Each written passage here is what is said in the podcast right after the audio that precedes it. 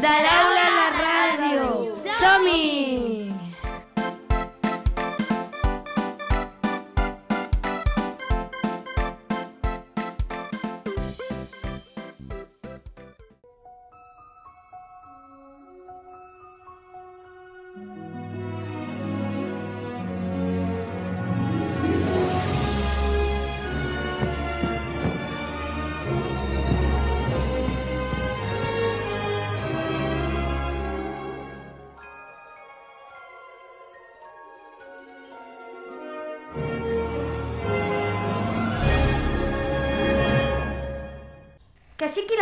Hagi vist alguna pel·lícula Disney. Jo, jo, jo, jo, jo, jo, jo, jo. Ostres, tothom? Però com pot ser? De debò, què tan conegudes són? I aquest nom, Disney, d'on ve? Com? Que era un senyor? Caram, caram. Look at this stuff, isn't it neat? Wouldn't you think my collection's complete?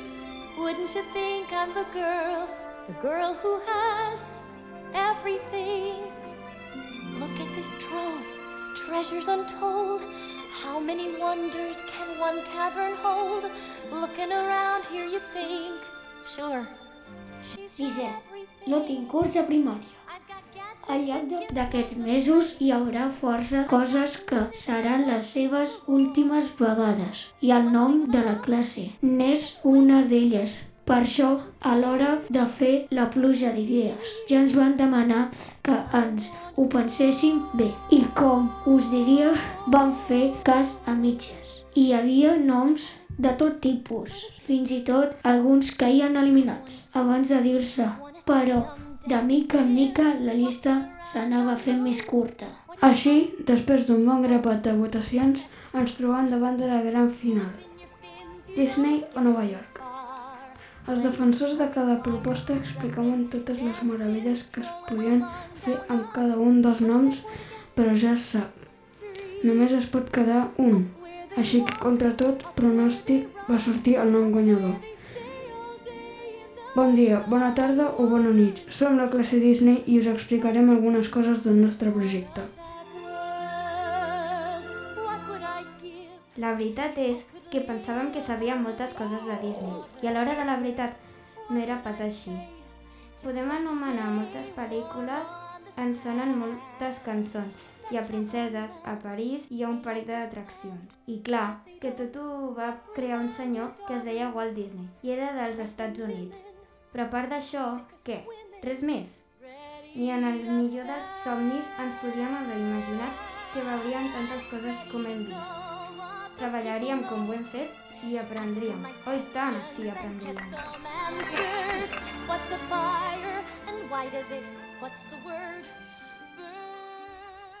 En Walt Disney va néixer el 1901 i abans de crear el Mickey Mouse, el 1928, va tenir altres èxits i fracassos. Però com ell mateix deia, tot va començar en dibuixant un simple ratolí. I a partir d'aquell moment, el seu estudi d'animació va anar creixent fins a convertir-se en una de les indústries més poderoses del planeta. Als anys 30 va començar la producció de pel·lícules, sent la primera Blancaneus i els set nans.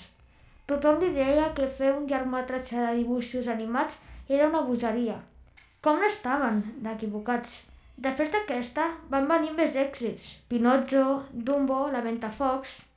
Des dels inicis havia barrejat en algunes creacions els dibuixos animats amb persones reals. Però el moment més destacat d'aquesta barreja va ser amb Mary Poppins, l'any 1964, només dos anys abans de morir. Per sort, va ser el temps de veure fer realitat el seu somni. Disneyland, un fantàstic parc d'atraccions a Califòrnia. Després de la mort de Disney, va haver una època on va haver més dificultats i no tenien gens d'èxit. No va ser fins l'estrena de La Sirenita que els estudis d'animació van tornar a triomfar arreu del món, amb pel·lícules com Aladdin o La Bella i la Bèstia. Més tard va entrar en joc l'animació per ordinador i de mica en mica el seu poder s'anava ampliant a mesures que comparaven altres companyies famoses, com Pixar, Marvel o Lucasfilm, responsables de Star Wars. Escolta, escolta, tot això està molt bé. Però, a part d'història, heu fet alguna cosa més? Que si hem fet alguna cosa més, m'agrada que em facis aquesta pregunta. Hem fet dibuixos de personatges, decoracions, grans i petites per la classe i el passadís. Hem après sobre el món de l'animació, coneixent la càmera múltiple que van inventar i fent els nostres propis flipbooks o històries animades. I també hem fet una enquesta a gairebé 300 persones per descobrir quines són les millors pel·lícules de Disney. Ja sabeu quines són? Sí, les tres millors per ordre són El rei lleó, El llibre de la selva i Mary Poppins. Hem estat parlant sobre els estereotips classistes de les pel·lícules Disney, ja que moltes vegades apareix la dona rentant o netejant a la casa, i sempre ha de ser salvada per un home. Que masclista, no? Però és veritat, ara que ho dieu. I també ens hem adonat que hi ha poquíssimes pel·lícules on surtin altres races a part de la blanca, o altres països que no pas els d'Europa o els Estats Units.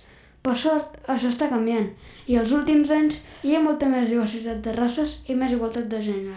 És cert, les últimes passen a Àsia i a Sud-amèrica. I les noies estan més empoderades. I això està molt bé. Però hem de vigilar, perquè molt parla de Disney, però gairebé totes les sèries i pel·lícules que es fan actualment són iguals o fins i tot pitjors. Com heu acabat el projecte? Hem construït una maqueta d'un parc d'atraccions entre tots i totes. L'hem anomenat Diversiland i té de tot. Muntanya russa, Nòria, Laberint, Space Mountain, Casa del Terror... Buf! És una passada. Segur que heu vist alguna fotografia per les xarxes. Doncs sí, heu fet coses. Renoi! I les que no et diem, això és només una petita mostra. Amb tantes coses que heu fet, n'hi ha alguna que tingui alguna anècdota?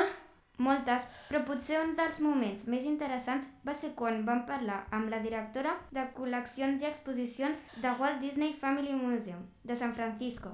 Caram, i vau parlar en anglès amb ella? No va fer falta, perquè es diu Marina Villar i va néixer a Barcelona. Va estar molt bé. Ens va ensenyar totes les sales del museu virtualment i li vam poder preguntar moltes coses. El més curiós de tot és que la trobada amb ella va ser a les 4 de la tarda, però quan la vam saludar li vam dir «Bon dia!», ja que per ella eren les 7 del matí. Veiem a través de la finestra que tenia al costat com anava sortint el sol i fent-se de dia, mentre aquí estava en punt de marxar de l'escola. Va ser molt curiós. Doncs fins aquí la nostra presentació del projecte per tots i a totes, els unients de la ràdio. Esperem que us hagueu pogut fer una idea general de tot el que hem fet i sobretot quan veieu una pel·lícula de Disney. Mireu sempre amb els ulls amb què les mireu quan éreu petits. Let's go fly a kite up to the highest height. Let's go fly a kite and send it soaring up through the atmosphere, up where the air is clear. Oh, let's go fly a kite